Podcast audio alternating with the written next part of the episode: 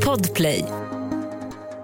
I think it's a disgrace that information that was false and fake and never happened got released to the public.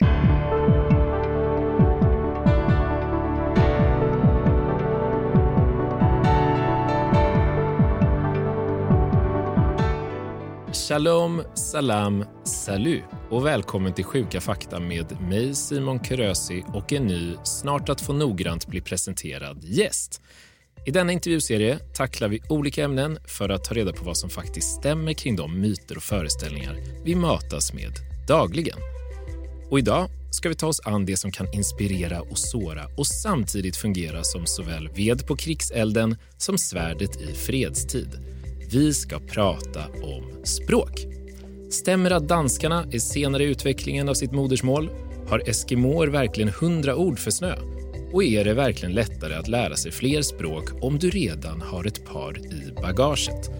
Om detta och pyttelite till kommer vi ta oss an i dagens samtal med lingvisten och universitetslektorn Mikael Parkvall. Mikael intresserade sig för 30 år sedan för det franska språket. Oh la la, tänker ni, och därifrån fortsatte han undersöka pidginspråk och kreolspråk. Vad är det för något, tänker ni? Well, det kanske han kommer att berätta senare. Men han har sedan dess fortsatt att både forska och utbilda i språk och dess utveckling och även givit ut en bok som vi ska förkovra oss i lite extra idag som fokuserar på just myter om språk. Mikael, välkommen hit. Mm, tack så du ha. Vad är det med språk som är så fascinerande tycker du? Nej, men det finns väl mycket här i världen som är fascinerande och, och nu råkade det bli språk för min del, men det skulle nog ha kunnat bli någonting annat också. Och vad är det som eh, fick bägaren att tippa över till språk då? Ja, lite grann var det väl det som du var inne på, att franska var mitt favoritämne i plugget. Och, och nu är ju det ett bra tag sedan. Men sen kanske att jag fick lite uppmuntran också från uh, utomstående. Mm. Uh, lite grupptryck alltså? Nej, det var väl, uh, det var väl en person på, på universitetet som tyckte att det kunde bli något av mig. Det fanns det folk som trodde på den tiden. Är det fel att anta att franska då är ditt favoritspråk? Ja, det är väl fel. Jag har, jag har inte så himla mycket förhållande till franska längre egentligen. Nej. Eh, kan jag väl inte påstå. Något litet sådär. Men det som drev mig bort ifrån det ämnet var väl egentligen det att all franskundervisning både på eh, grundskola, gymnasium och sen jag läste lite franska på universitetet också. Jag tyckte den var så ruskigt Frankrike-centrerad. Och jag tyckte ju då själv att jag pluggade ett språk och inte ett jävla land. Eh, och det här... som, man, som man bör tänka. Jag. Ja, tydligen då enligt, enligt lärare i ämnet då, så, mm. så bör man liksom röka Gauloise utan filter och ha blåvitt randig tröja och basker och, och skit. Men eh, jag hade inte då och har inte nu något som helst förhållande till Frankrike egentligen. Och då fick man liksom Frankrike uppkört i röven morgon, middag, kväll i, i den där undervisningen. Och det var, det var väl det som egentligen, jag dels stötte bort mig från franskan tror jag, och, som jag inte är så ledsen för idag kanske. Men, och dels då gjorde att jag odlade ett lite osunt intresse för eh, alla franska dialekter som pratades eh, överallt utom i Frankrike och framförallt då utanför Europa. Och det i sin tur ledde till kreolspråk. Som jag kanske då, vissa av dem tänkte jag då på kanske som, eh, som en väldigt knasig variant av franska, men det skulle jag inte kalla dem för idag. Vad, vad är det för något då?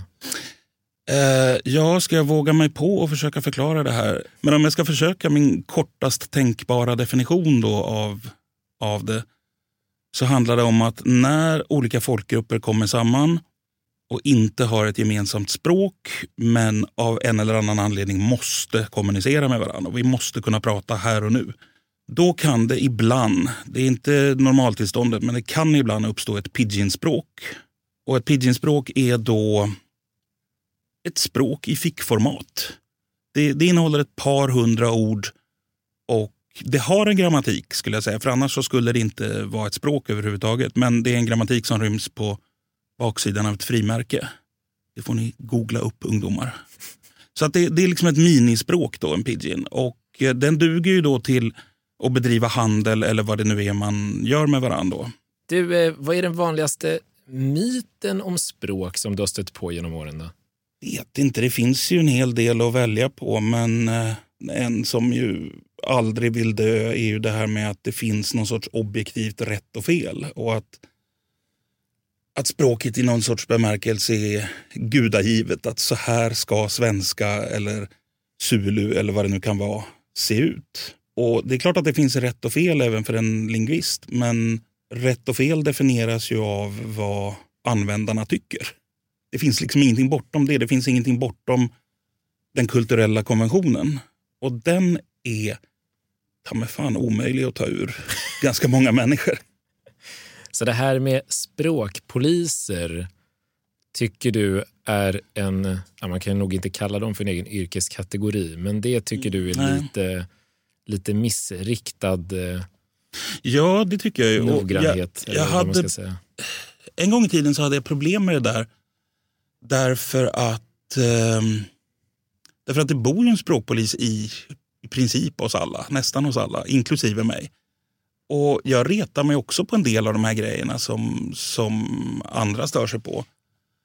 Och då hade jag problem med det här och gick omkring och, och liksom bildligt talat örfilade mig själv. Att så där får du inte tänka, så där får du inte tänka. Och, och Det där var ett problem tills jag upprättade någon sorts fredsavtal med mig själv en gång. Eh, och Det går ut på att man kan inte rå för sina känslor. Om, om jag tycker att det där sättet du pratade på nyss låter illa, ja men då får jag väl tycka det då. På samma sätt som jag kan tycka att du har en ful mössa eller vad det nu kan vara. Det är en sak, det, det får man göra. Men det man inte får göra är att man låtsas som att det här är någonting bortom estetik. Det är det. Va? Vetenskapen, och det är ändå, lingvistik är ju ändå en vetenskap, har ingen åsikt om, om vad som är bra eller dåligt språk. Nej. Viktigt medskick till de som lyssnar tror jag. Ja, men det kändes i alla fall bättre för mig själv. Och, och nu kanske inte majoriteten av lyssnarna har haft det här problemet, men, men det kändes i alla fall bättre för mig själv att sluta det där fredsavtalet. Att, att varsågod, tyck vad fan du vill. Och det, det får ju lyssnarna plötsligt göra också.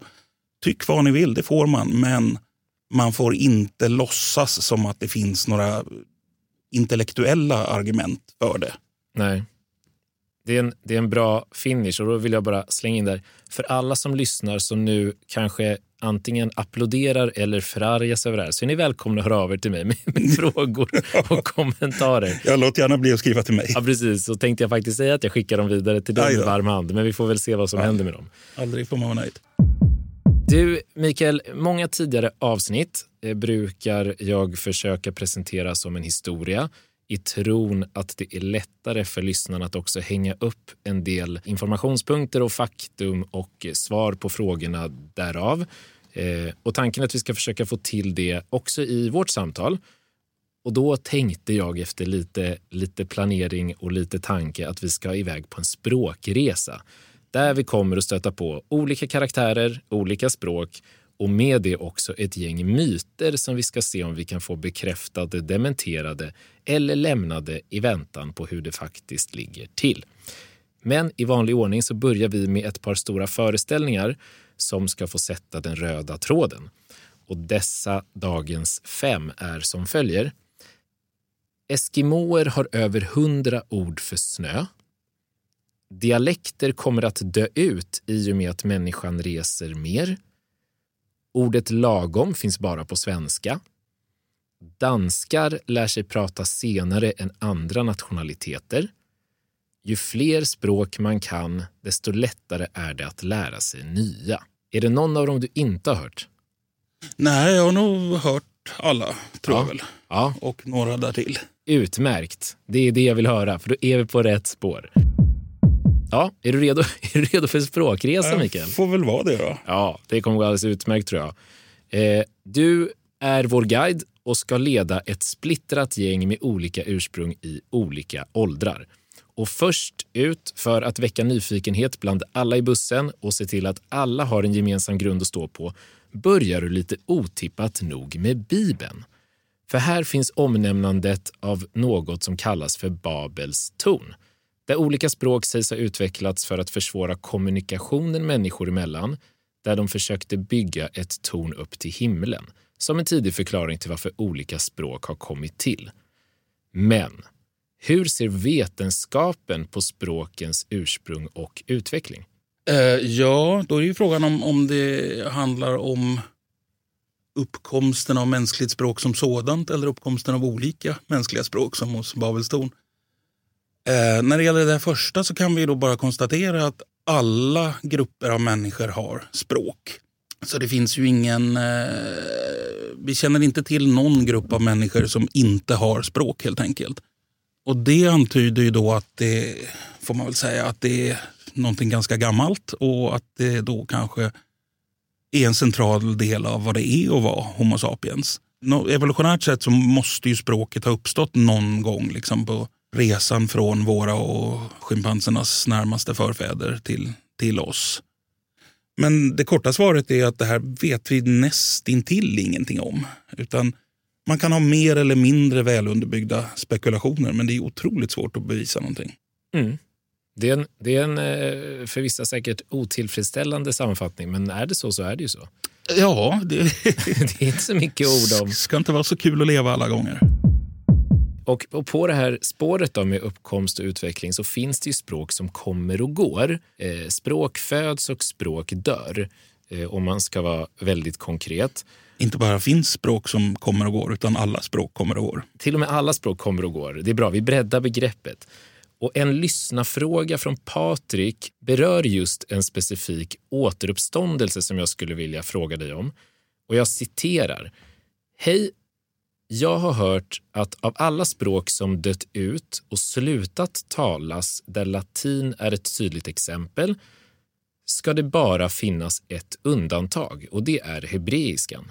Jag har hört att hebreiskan ska ha slutat talas under någonstans 100-200-talet och ska därefter enbart ha funnits i skrifter fram till 1800-talet då det återuppväcktes som talspråk. Stämmer detta? Slutcitat. Det där stämmer väl i princip. Um, om jag bara skulle svara enklast möjligt på, på frågan har något språk dött ut och sen återuppväckts? Då skulle jag säga ja, hebreiska och det är ensamt i sitt slag. Det förekommer påståenden om andra återuppväckta språk men jag är ärligt talat skeptisk. Det, som allt här i världen så är det ju en definitionsfråga i mångt och mycket. Men, men även för hebreiska så kan man ju då ifrågasätta det hela därför att skulle en modern Israel kunna förstå en bibeltida Israel? Och svaret är väl att det är kanske tveksamt. Alltså modern hebreiska ser ganska annorlunda ut jämfört med biblisk hebreiska. Efter det att det dog ut som vardagsspråk så, så fortsatte ju judarna att använda hebreiska i religiösa syften. Och Det innebar ju då att om man i alla fall var ett litet uns lärd så kunde man, så kunde man läsa och skriva hebreiska. Men det var inte en käft som pratade det. Och när utvandringen till Israel då började på sent 1800-tal så förekom det ju diskussioner om vad man skulle använda och som, som gemensamt språk. Och det, det naturligaste på sätt och vis kanske hade varit jiddisch som väl de flesta pratade. Men eh, hur som helst så föll då valet på hebreiska och, och, så blev det då modersmål för kommande generationer av israeler och, och är det idag. Så att eh, man, man, kan diskutera om det verkligen är frågan om ett språk som har dött ut och återuppväckts på basis då av är det verkligen samma språk. Men då blir det ju lite filosofiskt sådär. Kan man bada i samma flod två gånger och allt det där. Um, men om vi då erkänner hebreiska som, som ett exempel på det här, då skulle jag säga att då är det i stort sett ensamt i sin genre. Och, och förstås därför att bakgrundshistorien är så unik med liksom diasporan och, och, och, och återvändandet och allt det där. Mm. Ja, hoppas vi verkligen att Patrik fick svar på sin fråga. Då. Du, nu när vi ändå inne och pratar eller nosar på det här med gamla språk, kan man säga någonting om vilket språk som är äldre eller yngre än något annat? Nej, Eh, det, här, det här är jättedumt. För som jag sa förut så, så pratar ju då alla grupper av människor. Vad man än talar så härstammar ju det från någonting tidigare. Om du talar svenska så är det ett dotterspråk till urnordiska som är ett dotterspråk till urgermanska som är ett dotterspråk till urindoeuropeiska och därefter har vi ingen aning. Eh, men allting kommer ju ur någonting. Så om någon säger att språket X är eh, äldre än språket Y, då blir ju frågan vad menar du med det överhuvudtaget? Under alla omständigheter vet vi ju ingenting om det. Eh, så att ja, alla språk kommer ur någonting som kommer ur någonting som kommer ur någonting och så vidare tills vi förlorar, förlorar eh, kollen på det hela. Och man ska inte låta sig luras av benämningar där heller. Därför att man ska komma ihåg att namn på språk är ju lite godtyckliga.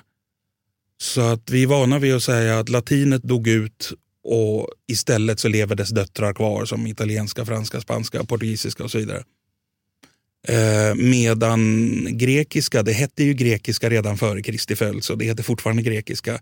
Jo visst, men det är bara en fråga om, om terminologisk konvention. Det säger ingenting om ålder. Eh, modern grekiska och homerisk grekiska är inte ens ömsesidigt förståeliga. Hur många språk tror man att det finns i världen? Ja, det går inte att säga något exakt antal av eh, ett antal olika skäl. Det finns ganska många skäl till det. Så vad man än säger så får det ju bli en uppskattning. Och då brukar väl uppskattningarna röra sig om sådär mellan 5 och 8 tusen. Men 6-7 tusen kan väl vara en approximation. Bara som en sån här egen intressefråga. Hur få kan prata ett, ett och samma språk tillsammans för att det ska betraktas och räknas som ett språk? Det enkla svaret på hur litet kan ett språk vara och, och fortfarande leva är ju ett, en talare. För någon måste göra den sista. Just det, det är nästan men, filosofiskt. Men då, då är det ett döende, ja, då är det ett döende ja, språk. Nej, precis. Så att om de ska fortsätta leva så behöver de väl vara ett par hundra i alla fall. Men jag menar, om, om vi slår ut det där antalet språk på antalet människor på jorden så blir då genomsnittsantalet människor per språk blir då någon miljon sådär. Men medianantalet blir någonstans kring 6 000 eller så. Det är liksom ett normalt stort språk. Vilket ju då inom parentes sagt gör det här lite roligt, eller roligt men det gör det lite fånigt det här påståendet som vi är så vana vid att, att svenska är ett sånt litet språk. Vad fan, 99 procent, och jag skojar inte, 99 procent av världens språk har färre talare än svenska. Eh, de flesta språk är, otroligt mycket mindre än svenska helt enkelt. Då kan jag i alla fall konstatera att svenskan är ett av världens största språk. Oh ja, med hästlängder. Ja. Dessutom, det här är ju då bara om vi talar om antalet talare. Sen kan man ju tänka sig eh, andra sätt också, alltså hur mycket används språket i offentligheten och så vidare. Så att jag har roat mig lite grann med att kolla sådär hur mycket film görs det, hur mycket böcker skrivs det, hur mycket tidningar finns det hur, och så vidare. och så vidare. Den typen av grejer. Och, och, hur mycket pengar finns det i ryggen på språket, alltså om vi tar BNP för de länder där det här används och så vidare. Och alla sådana mått då som man kan tänka sig, då brukar svenska hamna sådär runt 20 eller någonting sånt där. Och då snackar vi att vad blir det, 99,8 eller något procent av, av världens språk är, är, mindre synliga eller mindre använda i offentligheten eller vad vi ska kalla det, än svenska. Mm. Snyggt.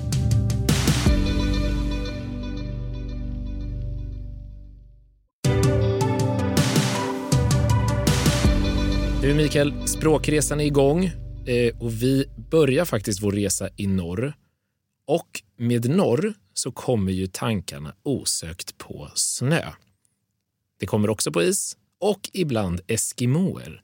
Och här möter vi en av dagens stora föreställningar som säger att eskimoer har över hundra ord för snö. Stämmer det? Nej, det gör det väl inte. Och, och, för jag vet inte vilken gång i ordningen så måste man ju då säga att det här är en definitionsfråga såklart. Jag menar, lingvister vet inte ens överens om vad ett ord är, så det blir ju problematiskt redan där. Eh, men det finns en amerikan som har, eh, som har spårat den här, det här påståendet då till vad som verkar vara originalkällan. Och Han kan då visa med, med skriftliga belägg då hur det här antalet som först om det var något dussin eller någonting sånt där, då har vuxit till sig för varje gång det här har citerats så har det blivit fler och fler. Och sen, sen blir det liksom en fantasiljard ord till slut. Men, men om vi låtsas att vi vet vad ett ord är, då brukar väl eskimoiska ordböcker brukar väl innehålla, inte vet jag, men några stycken i alla fall. Och det, det gör ju svenska ordböcker också genom att vi har liksom, ja vad har vi? Ja, vi har framförallt en massa sammansättningar. Eh, kramsnö och pudersnö och sånt där. Men vi har väl några modd och vad har vi mer? Slask kanske och mm. lite sånt där. Och sen, är, sen ska man komma ihåg också att de eskimoiska språken funkar ju så att de bakar ihop det som vi tycker är en hel mening. Det bakar de ihop till vad vi tycker är ett enda ord hos dem. Så eh, om vi nu då säger min snö och din snö och hans snö så, så säger de så att säga min snö och din snö och hans snö. Ska vi räkna det som tre olika ord, ja då får vi ju en fruktansvärd massa. Eh, så att det finns en massa sådana definitionsproblem. Men, men det går nästan inte att tolka verkligheten på ett sätt som gör att ett meningsfullt svar på den där frågan skulle vara ja, om du förstår vad jag menar. Mm. Man får tänja rätt mycket på, på gränserna. Sen är det ju naturligtvis så att olika språk har naturligtvis ett ordförråd som är anpassat till det ställe där de används och den tid där de används och de, helt enkelt de kontexter där det används. Så att eh, det är ju liksom ingenting att trilla av stolen för om, om ett eskimåspråk skulle ha fler ord för snö än vad något språk som pratas i Sahara har. Det, det, är ju liksom, det vore konstigt annars. Ja, nej, bra, bra, bra inspel tycker jag. Det här, jag lär mig hur mycket som helst medan vi, vi rullar vidare. Vår resa har ju börjat i norr, men vi är ju faktiskt på väg söderut mot Danmark, tro det eller ej. Och du berättar att vi kommer att köra E4 söderut via Uppsala, Stockholm och Nyköping. Då kläcker en av medpassagerarna ur sig att det passar väl särskilt lämpligt då Nyköping är ursprunget för den så kallade rikssvenskan. Någon annan bak i bussen hugger tillbaka med att det minsann är Uppsala och plötsligt så är det tumult på bussen och du ska nu gå emellan och förklara hur det egentligen ligger till. Vad säger du? Nu törs jag väl knappt säga ytterligare en gång att det här är ju en definitionsfråga, men det, den är, det är en lite luddig... Jag, jag säger inte att rikssvenska inte finns, det, det, gör den ju, men det är inte helt lätt alla gånger att, att definiera vad den, hur den ser ut och vad den består av. Men hur som helst, om vi låtsas då att vi vet vad rikssvenska är så är det väl någon sorts sanning att i grunden ligger Mälardalsdialekter, kanske östra Mälardalen. Men eh, rikssvenska innehåller ju en del grejer som ganska uppenbart är sydliga också. Det är en minoritet, men, men det finns ju grejer som vi uppfattar som rikssvenska som då inte hör till de mälardalska dialekterna utan som då faktiskt i dialekterna bara har funnits längre söderöver. För man ska komma ihåg, det där är också en grej som folk ofta misstar sig på, att dialekter föregår ju riksspråket en vanlig eh, en ganska vanlig uppfattning är ju liksom att på den åttonde dagen så gav Gud människorna nationalstater och standardspråk. Och sen så har då värmlänningar och skåningar och vad det nu kan vara flippat ur lite grann under tiden och, och liksom vanställt detta. Men så är det ju naturligtvis inte. Utan först så bor folk i sina stugor och pratar som de alltid har gjort. Och sen så kommer någon Jeppe och säger att nu ska vi börja skriva ner det här och standardisera det. Så att standardspråken är ju liksom någonting som har lagt sig som en filt ovanpå eh, dialekterna. Men den är ju inte tagen, eh, den är inte uppkommen ur intet den heller, utan standardspråket i allmänhet bygger ju på någon specifik dialekt eller på en kompromiss mellan flera i allmänhet.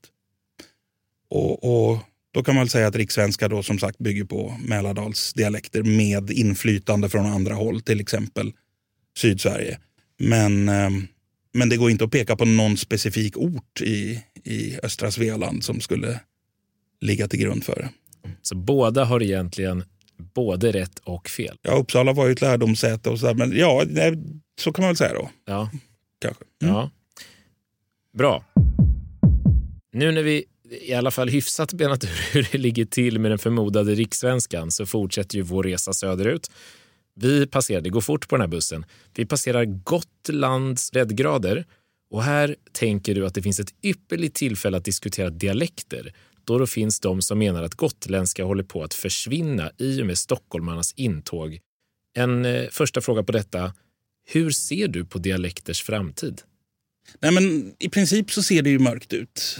Uh, vi, vi, kan ju se att trenden under de senaste, inte vet jag, 200 kanske åren har ju varit att diversiteten har minskat. Alltså att alla då dialekter har närmat sig skriftspråket i någon mån.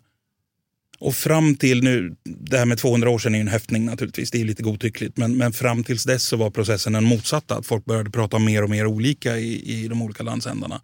Och sen då med hjälp av folkskola, värnplikt, medier och så vidare så har vi då vänt den här trenden. Så att under de senaste seklerna så har vi sakta men säkert närmat oss den här standarden, bland annat därför att vi ju i eh, alltså det här är inte bara omedvetet utan vi har ju också fått aktivt lära oss i skolan att din dialekt är fel. Du ska prata så här, du ska prata standardmässigt. Och nu har det då fått effekt. Vi pratar mindre dialektalt nu än vad vi gjorde för hundra år sedan och då i sin tur pratade man mindre dialektalt än för 200 år sedan. Och det finns ingenting som tyder på att det här kommer att ändras. Och rätt ofta så stöter man då på folk som då säger att nej men inte alls är, det är inte alls så att dialekter dör ut eller att något visst språk dör ut eller någonting sånt där. Eh, och, och, om de säger det om dialekter då handlar det ofta om att ja men man kan fortfarande höra skillnad på en som kommer från Stockholm och en som kommer från Göteborg. Och visst kan man ju det. Men skillnaderna är inte stora. De blir mindre och mindre och mindre. Och jag påstår inte att det kommer att komma en dag när vi inte hör någon skillnad alls. Kanske gör det det, kanske inte. Det vet vi naturligtvis inte. Men skillnaderna blir mindre och mindre och det finns ju en, någon sorts gräns för hur små de kan bli för att vi alls ska upptäcka dem. Och man kan nog... Jag skulle säga att det är nog ganska få ställen i Sverige där man kan resa en mil eller två och faktiskt höra en skillnad på, på språket. Och det har man kunnat göra. Mm. Just det, ibland kan det vara, vara vettigt att skilja på dialekt och regiolekt.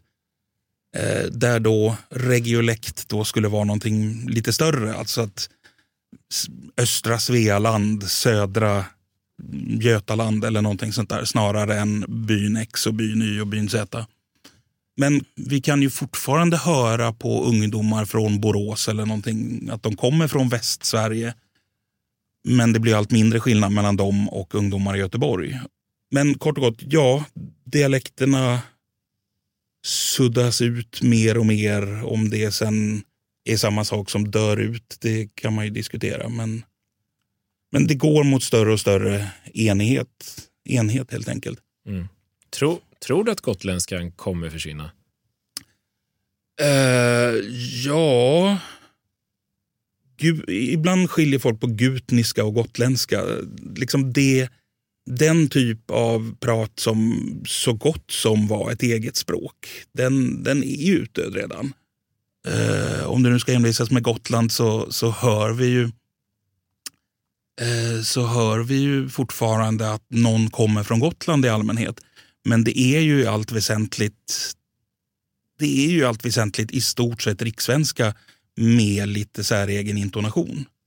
Man ska komma ihåg att, att jag höll på att säga riktiga dialekter, men det är fel att kalla någonting för riktigt för det förutsätter att det finns något som är oriktigt. Men, men det brukar heta genuina dialekter i, i eh, litteraturen och det är inte heller riktigt bra term. Men vad vi nu ska kalla det, det är som traditionella dialekter kan vi säga. Det, det blir kanske färre kränkt av, säkert någon. Men eh, traditionella dialekter är ju liksom inte bara att man låter som Babben Larsson utan det är ju att man har en helt egen grammatik och, och, ofta är liksom svårbegriplig i ett par byar bort helt enkelt.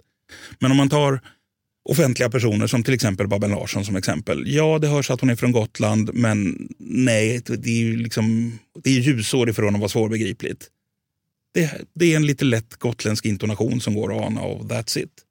Sen kan man ju tänka sig att eh, jag menar, dialekt skulle i alla fall jag använda bara om geografiskt betingad variation. Sen finns det ju andra typer av variation. Liksom att vi, vi pratar olika beroende på ålder, kön och social grupp och, tusen andra sådana faktorer.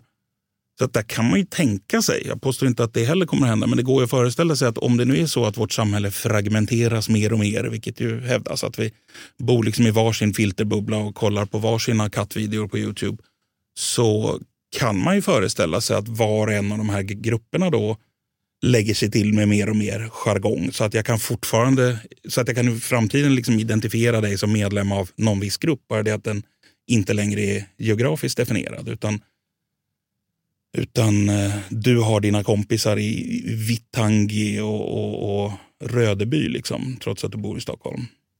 Just det. Och pratar som dem.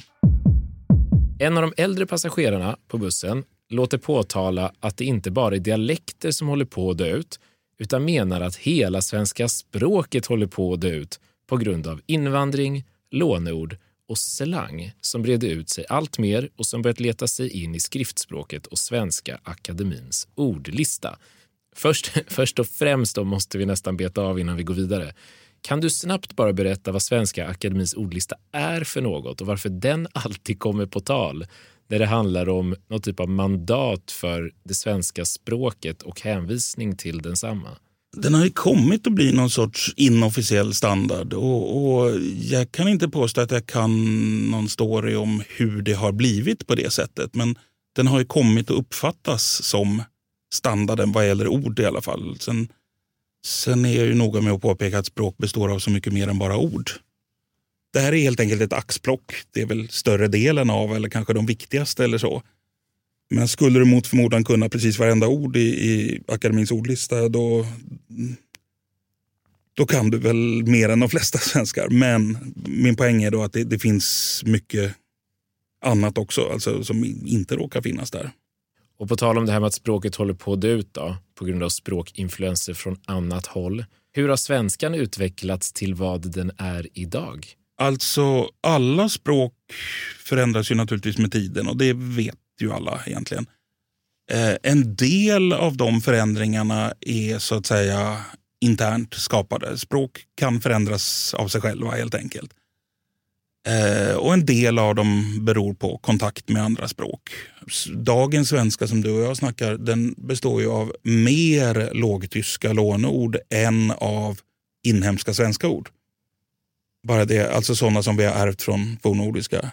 Bara det att de har hängt med oss så länge, de här, för de kommer ju på medeltiden, då, de lågtyska orden. Så att vi, vi tänker ju inte på dem som lågtyska när vi använder dem och jag skulle nog säga att de flesta svensktalande är inte ens medvetna om att de är lågtyska som stad och ansikte och tiotusentals andra.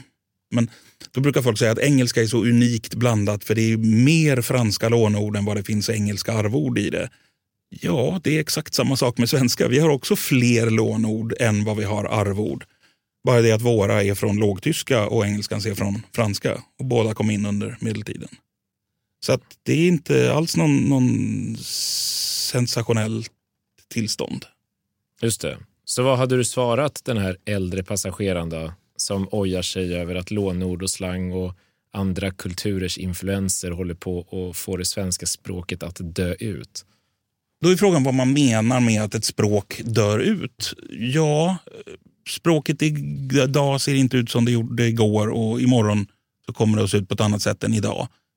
Eh, däremot så kan ju språk dö ut, precis som städer. Jag menar, alla kan flytta ut ur en stad. Det är kanske inte så vanligt att det händer, men och på samma sätt kan ju språk dö ut genom att alla som pratar det här språket lägger ner och övergår till att prata någonting annat. Och det är ju extremt vanligt. Um, det är ju ett annat sätt att dö ut på än, vi nämnde latin för en stund sedan. Va? Att vi kallar latinet för utdött, men i någon bemärkelse så lever ju latinet fortfarande. Bara det att vi kallar det för spanska, portugisiska, italienska, franska och rumänska och sådär. Så det är ett sätt att dö ut som kanske inte riktigt ska kallas dö ut egentligen. Men ett sätt, det vanliga sättet att dö ut det är ju att talarna byter till ett helt annat språk. Det har hänt genom historien ganska mycket och förmodligen så händer det mer nu än förut med globalisering och sådär. Så att av de här 6-7 tusen eller vad vi pratade om förut, språken, så är det åtskilliga tusen av dem som är hotade och som förmodligen inte kommer att finnas kvar om en mansålder. Så språk dör. Och, men då ska man komma ihåg att det är också så som språk dör. Inte genom inlån. Det finns så att säga inget, ord, inget språk som har lånat ihjäl sig. Det finns inget belägg i världshistorien för att något språk har bytt ut alla sina komponenter en efter en tills det har blivit grannfolkets språk. Det har liksom aldrig hänt så vitt vi vet. Och förmodligen kan det inte hända. Därför att är man så jävla imponerad av grannfolket, då byter man helt enkelt. Då håller man inte på att larva sig och tar in komponent efter komponent. Du, nu, vi fortsätter ju söderut eh, sakteligen och nu passerar vi gränsen till Skåne. Välkommen till Danmark ropar någon då från bakre raden och ett smärre skratt hörs genom bussen. En av de skånska passagerarna kontrar med som tur är lär sig våra barn åtminstone att prata tidigare än danskarna. Applåder ljuder. Och min fråga till dig som språkreseguide. Vet du om det stämmer?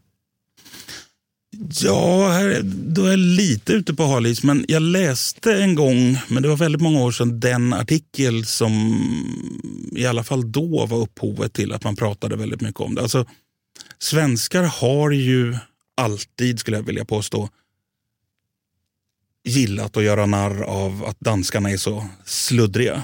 Och den här artikeln du pratade om, det kanske finns fler nu, men då var det i alla fall en som man kunde spåra det till. Eh, jag läste den då och kände mig skeptisk innan jag läste den. Den var då skriven av, av eh, riktiga danskar, ska kanske tilläggas.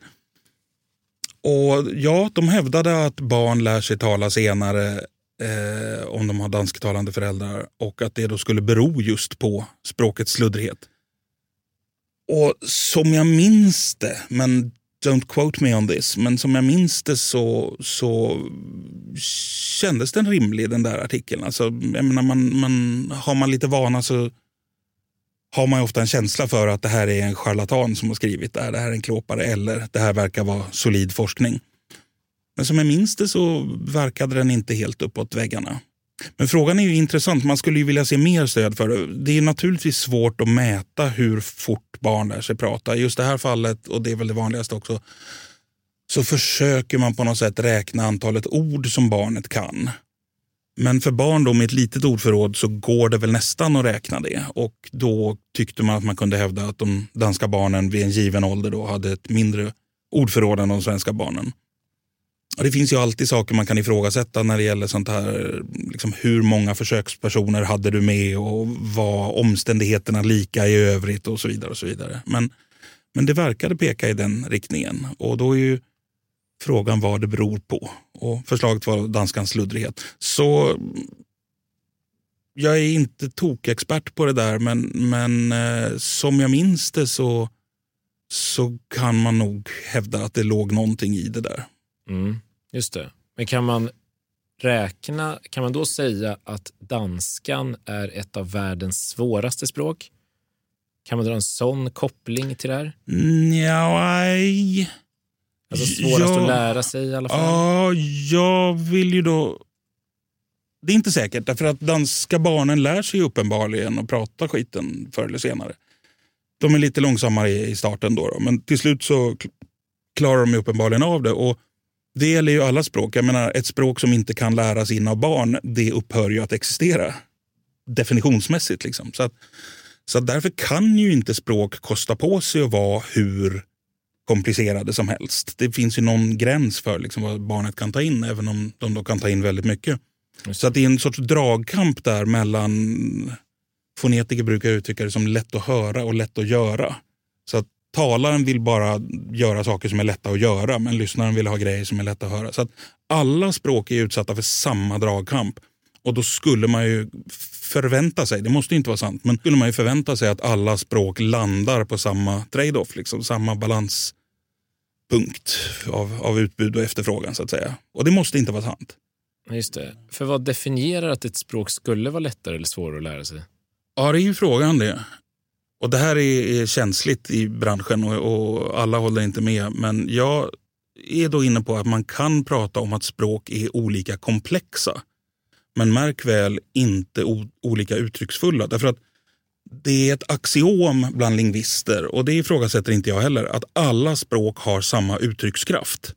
Då kan någon säga att ja men det ena eller andra språket har ju 14 ord för snö eller har ett ord för iPad eller någonting sånt där. Sure, men ord är ju inte vad det handlar om egentligen. Utan vi, svenska har inte heller haft ett ord för iPad förut och nu har vi det. Så att det kan man ju lätt fixa. Om det dyker upp en ny grunka i verkligheten så kan vi hitta på ett nytt ord för det. Det, det är inget bök. Men, men att alla språks vad ska vi säga, inneboende uttryckskraft, det vi kan göra med språket, hur mycket vi kan uttrycka, den, den är densamma för alla språk. Det finns liksom inte bättre och sämre språk med avseende på vad de kan uttrycka. Det är alla överens om, inklusive jag själv.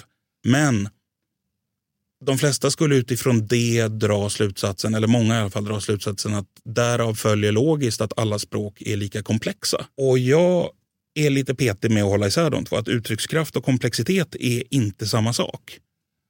Och ett enkelt exempel på det är ju att om vi tänker oss svenska så som det faktiskt ser ut idag så ja, svenska har en viss uttryckskraft och en viss komplexitet.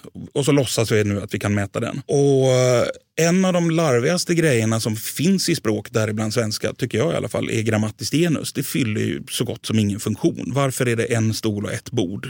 Ja, det bara är så. Men i princip så är det ju en ganska onödig, bara godtycklig uppdelning av alla våra substantiv i, i svenskans fall två grupper, en och ett. Så om vi antar att vi har svenska så som den faktiskt ser ut här med, med två genus så kan vi föreställa oss en svenska utan genus också. Där det heter en stol, en bord, en whatever. Där vi bara har ett genus. Den skulle ju vara lite enklare, eller hur? Lite mindre komplex. Men kan den uttrycka färre saker? Nej, du skulle ju kunna säga allting på den svenskan också. Eller omvänt, svenska som hade 17 genus. Skulle den kunna uttrycka mer? Nej, den skulle ju kunna uttrycka samma saker den också, bara det att den är bökigare. Det är mer att hålla reda på. Så jag är lite noga med att de där två är två separata parametrar, alltså komplexitet och uttrycksfullhet. Så jag köper att alla språk är lika uttrycksfulla. Det låter liksom som politiskt korrekt mumbo jumbo, liksom kumbaya-känsla. Men, men eftersom ingen har bevisat motsatsen så får vi anta att alla språk är lika uttrycksfulla. Men de kan då vara mer eller mindre komplexa vill jag hävda. Och vilket språk anses vara mest komplext? Ja, det förutsätter ju då att man köper resonemanget överhuvudtaget, att det går att mäta komplexitet. Jag gjorde ett försök en gång att göra det och då blev det Burushaski. Och det talar man var någonstans? Norra Pakistan. Norra Pakistan. Du, om vi återkommer till barnen. Eh, om vi återkommer till barn, när pratar vi om barn? Ja, just det, barn och lära sig danska. Just det. Var kommer barnen vi... in, sjöng Hansson the Wolf United. Ja. Om vi återkommer till barnen så sägs de också har lättare att kommunicera över språkgränser än vad vuxna har. Och då är min fråga, vad finns det för forskning på det? Ja, det, jag vet inte hur det är med just språkgränser, men man har ju traditionellt sett pratat om en eh, så kallad kritisk period. Och det kommer ju då från biologin, alltså att det finns ju, eh, det kanske du känner till du som håller på med fysiologi i någon bemärkelse. Och nu är barns språkinlärning något av det jag är sämst på inom lingvistiksvängen. Men man har då pratat om kritisk period även när det gäller människors språkinlärning. Att vi, vi har ett tidsfönster när vi är små där vi då till synes utan ansträngning kan lära oss ett språk perfekt. Och Sen runt puberteten så stängs det här, tidsfönstret, äh, ja, så stängs det här fönstret helt enkelt och då kan vi inte lära oss saker perfekt längre. Eh, och sen som alltid så, så är det jämt när någonting har påståtts tillräckligt många gånger att då kommer ju alltid någon, någon partypajare och säga att så här är det inte alls. Att det finns ju folk då som ogillar det här snacket om kritisk period. Och, och, som jag förstår det så pekar man på att jo, men det finns vuxna inlärare som då har lärt sig ett nytt språk helt perfekt. Och det gör det ju. Men jag tror att alla är väl överens om att barn gör det oftare än vad vuxna gör det helt enkelt. Men det som jag har tänkt på ibland som jag tycker är lite problematiskt här är väl också att hur kan vi skilja språk från andra kulturella beteenden? Därför att det är ju inte bara språk som vi anammar lättare när vi är små och svårare när vi är äldre. Utan det gäller en massa andra beteenden också. Att det är svårt att lära gamla hundar sitta. Liksom. Att vi har, har jag vuxit upp med att käka ärtsoppa och pannkaka varje torsdag, då ska det fan med vara så resten av livet också.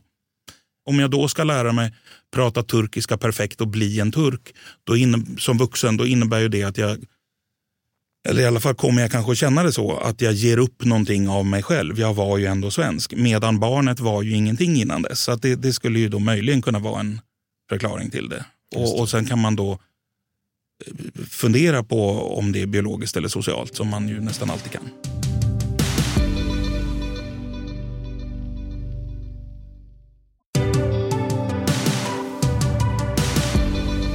Efter en lång tid stillasittande så är det nu dags för en bensträckare.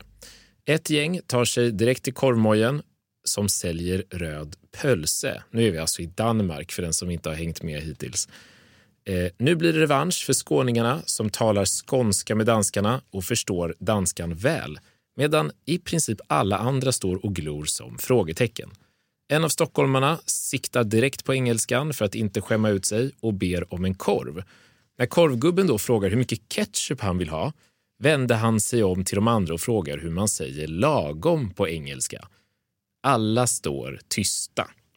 Det slutar med att han gestikulerar tills han är nöjd med mängden och diskussion uppstår där det anses märkligt att lagom inte finns på engelska som ju har så många fler ord i sig än svenskan. Och Det här har vi varit inne lite på, men ur det här så kommer egentligen två föreställningar.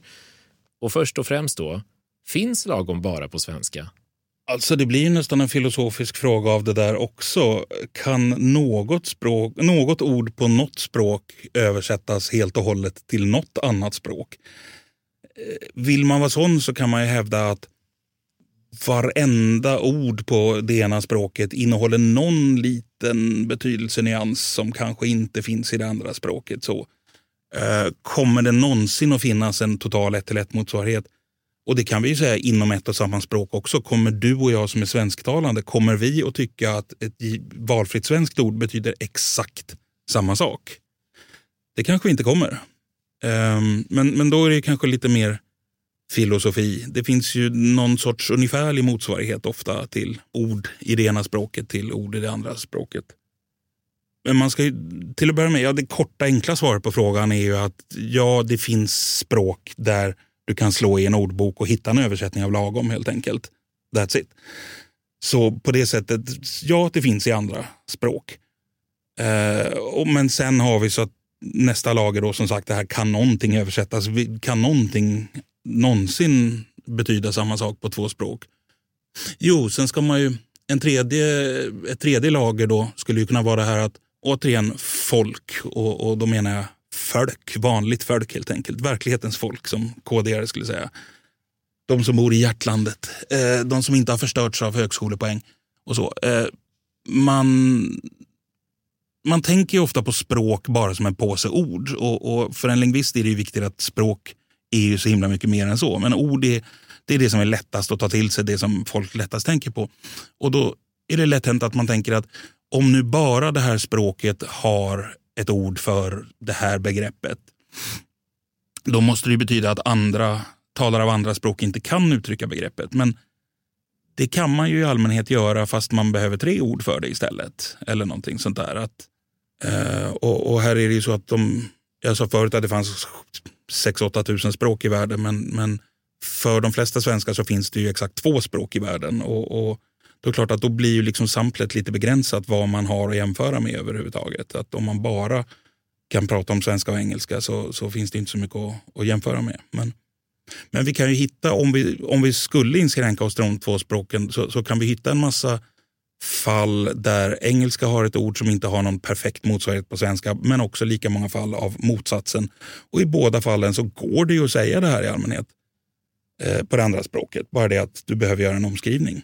Konstigare än så är det inte. Just det.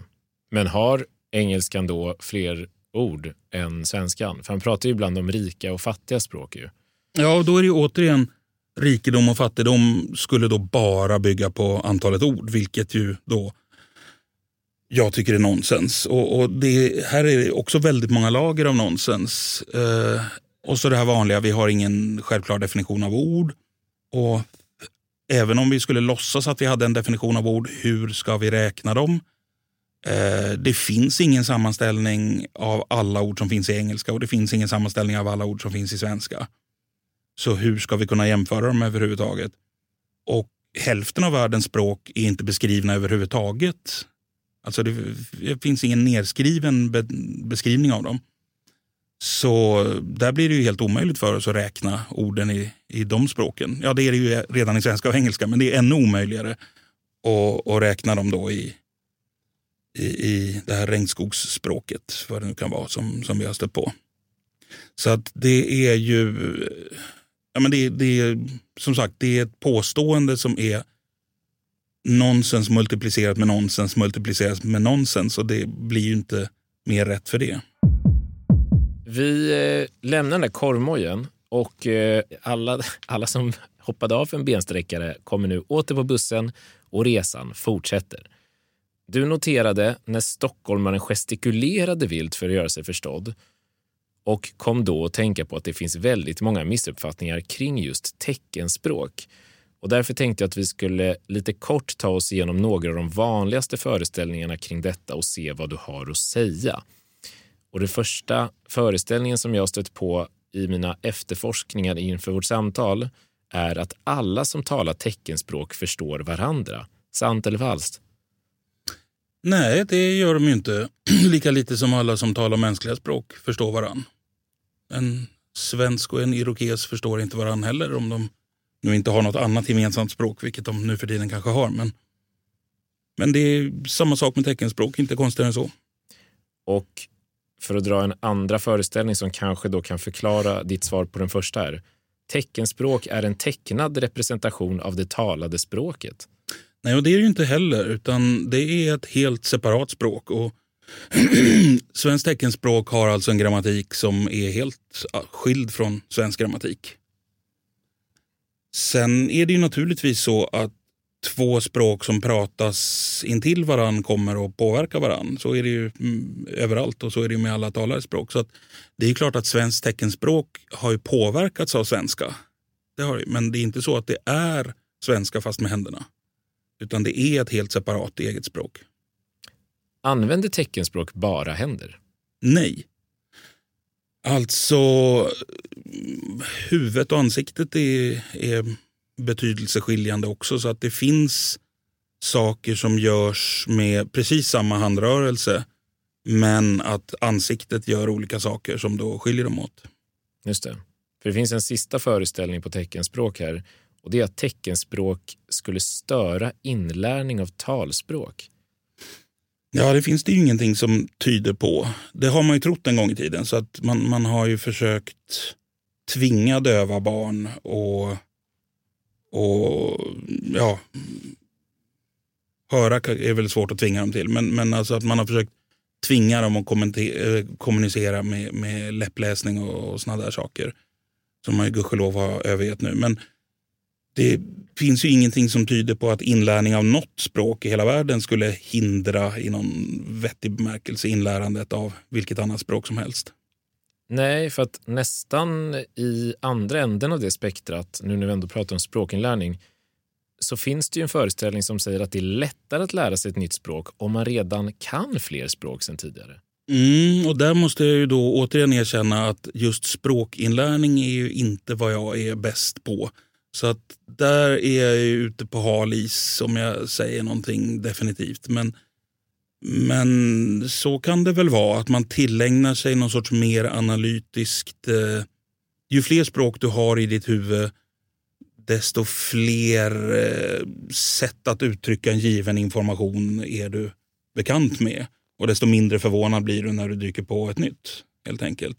Även om jag då är kritisk till det här, de här starka banden mellan språk och tänkande så, så är det ju ändå i någon bemärkelse är vi ju ändå lite grann fångar i vårt modersmål. Vi tycker ju att det som vi har råkat lära oss när vi växte upp, det tycker vi är det sunda och naturliga sättet att, att uttrycka någonting. Och alla andra sätt verkar stolliga och därmed kanske svårare att ta till sig. Och möjligen så, så är vi mindre benägna att tycka så om vi kan en, en faslig massa språk. Så det är svårt att, att hitta någon sådär självklar rekordhållare i antalet kunnade språk, vad man nu ska säga. Mm. Um, jag menar, det, det finns folk som då påstår sig eller har påståtts prata sådär, jag menar ett par dussin. Liksom. Och det är väl i och för sig inte omöjligt. Men då har de inte vuxit upp med alla dem som modersmål utan då har de ju lärt sig ett antal i, i, i vuxen ålder. Men sen är det ju lite knepigt det där. Det, många blandade par känner ju igen det här att om man har en förälder från varje språkområde och så vill man då att barnet ska bli tvåspråkigt. Barnet kommer ju väldigt ofta, låt säga att man bor i Sverige och har en svensk förälder och en vad vet jag, bulgarisk förälder. och så försöker vi då låta varje förälder använda sitt språk med barnet för att barnet ska bli tvåspråkigt. Barnet kommer ju ganska så fort att notera att hmm, mamma pratar visserligen alltid bulgariska med mig men när vi går till affären så märker jag att hon kan ju svenska också. Så barnet kommer ju då att eh, notera det här och tänker varför ska jag lära mig den här skiten när jag tydligen kan klara mig bara på omgivningens språk. Så, så Det är ju inte helt så här, det, det, är inte så att barnet inte har förmågan att lära sig låt säga fem språk under sin uppväxt. Men däremot så kan det väl kanske vara svårt att få barnet att ha intresse av att göra det. Men, men om vi hade en situation där, ja, men låt säga där, där mamma faktiskt bara kan bulgariska och vi aldrig ser henne prata svenska överhuvudtaget. Och, och med sin svenska make så pratar hon, inte vet jag, då pratar hon liksom grekiska eller någonting helt annat. Där, där barnet då aldrig inser att, att det kan ta den enkla utvägen. Då, då tror jag nog säkert att barnet är kapabelt att göra det här. Men som sagt, om det, om det finns ett sätt att slippa så varför inte? Mm. Det är ju lata ändå. Just det. Så ingen känd gräns i alla fall för max? Nej, nej. däremot så kan det som sagt, och det, det tror jag att många som lever i blandäktenskap känner igen det där att vi försökte få barnet att lära sig båda de här men efter ett tag så gav barnet upp. Mm. Så att det är inte helt lätt. Nej. Då får vi se. Då får väl någon återkomma med vad en maxgräns skulle kunna vara. Du Mikael, vi ska lämna vår språkresa då dagens samtal börjar lida lite mot sitt slut. Men då måste vi också se om vi har fått svar på de stora föreställningarna som vi inledde med. Eh, vi har inte fått röka brass och hångla. Det är väl vad man åker på språkresa för. Ja, exakt. Det får vi lämna till liksom ett annat avsnitt Attans. kanske. Eh, men jag drar dem uppifrån och ner i samma ordning som vi presenterade dem. Eh, så får du svara sant, falskt eller kanske halvfabrikat. Eh, Eskimoer har över hundra ord för snö. Nej. Dialekter kommer att dö ut i och med att människan reser mer. Typ. Danskar lär sig prata senare än andra nationaliteter. Ja, kanske lite så. Mm. Något som viktas lite mer åt sant. Ja, kanske. ja, jag tror det. Ordet lagom finns bara på svenska. Nej. Ju fler språk man kan, desto lättare är det att lära sig nya. Kanske. Kanske. Innan vi avrundar helt så skulle jag efter att ha frågat ut dig om språkets dåtid och nutid vilja höra lite om din syn på språkets framtid. Jag har varit inne på det här med dialekter och dess utveckling. Men givet den utveckling av språk som skett och ständigt sker, om hur många år tror du att dagens svenska kommer vara svårförstådd för de som bor i Sverige? Jag höll på att säga att jag tycker att ingen förstår mig vad jag än säger redan nu. Men om vi ska lära av historien, och det kan man ju göra ibland men kanske inte alltid. Då skulle jag ju säga att eh, kanske en 500 år eller sådär skulle vara Alltså ibland har jag fått den frågan om vi kunde åka tillbaka i tiden, skulle vi förstå Gustav Vasa och liknande. Och Det kan vi naturligtvis aldrig få något svar på, men min sådär känsla är lite grann att Gustav Vasa, det är ju då 500 år sedan. Att nog skulle vi kunna snacka med honom, men vi skulle få bita ihop lite grann. Ungefär som, ja men lite som att snacka med en dansk. Lite så har jag en känsla av att det skulle vara med Gustav Vasa. Men, men då, det är då under förutsättning att vi kan eh, lära av historien och applicera det på framtiden. Och det är inte säkert att vi kan. Tror du att det kommer komma en tid när alla på jorden talar samma språk? Ja, vet inte. Vi är ju närmre det nu än vad vi någonsin har varit. För där kan man ju också säga om, om Sverige så, så brukar ju då folk säga ibland att ja, men, svenska har ju överlevt trots att tyska var statusspråket och sen var franska statusspråket och svenska överlevde ju ändå. Och då ska man komma ihåg, nu kommer jag tillbaka till Sverige igen men jag ska lämna det strax. Eh, att då var det ju liksom några procent av befolkningen som kunde det glassiga språket. Nu kan ju, så kan ju alla engelska. Och det har ju aldrig hänt förr i historien. Nu ser det ju inte ut så i, i resten av världen och där brukar folk bli lite förvånade. Det här finns det ingen statistik på, alltså hur många som kan engelska eller hur många som kan språk överhuvudtaget. Men jag försökte räkna på det där en gång och kom fram till då att ja, men kanske en sjättedel av världens befolkning kan engelska. Så att majoriteten av världens befolkning kan förmodligen ett annat språk än sitt modersmål. Det vet vi inte heller säkert, men, men jag har som sagt försökt räkna på det. Men majoriteten av världens befolkning kan inte engelska och inte ens i närheten av majoriteten. Samtidigt så är det väl så att att ändå en sjättedel, eller vad det kan vara, av världens befolkning kan ett och samma språk. Det har ju förmodligen aldrig tidigare i världshistorien varit sant. Så på det sättet så är vi ju i en ny, eh, en ny era. Och det skulle ju då tala för att kanske kan vi inte lära oss någonting av historien i, i just det fallet. Då, då. Just det. Nu gav jag inget svar på frågan tror jag. Annat, eller det kanske jag gjorde, jag kanske sa jag vet inte. Nej, men eh, att vi är närmare att alla talar ett och samma språk i världen än vad vi någonsin varit. Men framtiden får Ja, utvisa hur det kommer Även att bli. om jag då skulle önska att svenskar tog in det här att nej, det är inte så att alla i hela världen kan engelska och de kan det inte mer bara för att du pratar högre. Just det. Så vi vet inte. Det kanske kommer en tid när alla talar samma språk. Men det får vi väl se. Mm, inte uteslutet. Nej. Mikael, stort, stort tack för din tid, för din kompetens, ditt inspel i alla de här frågorna och vår språkresa. Tack för att du ville vara språkreseguide och hjälpa mig och lyssnarna till att bättre förstå det som vi alla tar för givet för att kunna kommunicera med vår omvärld. Tack så mycket. Tack själv. Nu har vi blivit lite mer språkbegåvade ändå. Nästa vecka så kommer vi att få bekanta oss med en gigant inom sitt gebit. Det blir nämligen ett samtal med professor Claes Kärre på området immunförsvaret. Får man ett bättre immunförsvar av att växa upp i ett smutsigt hem snarare än ett rent?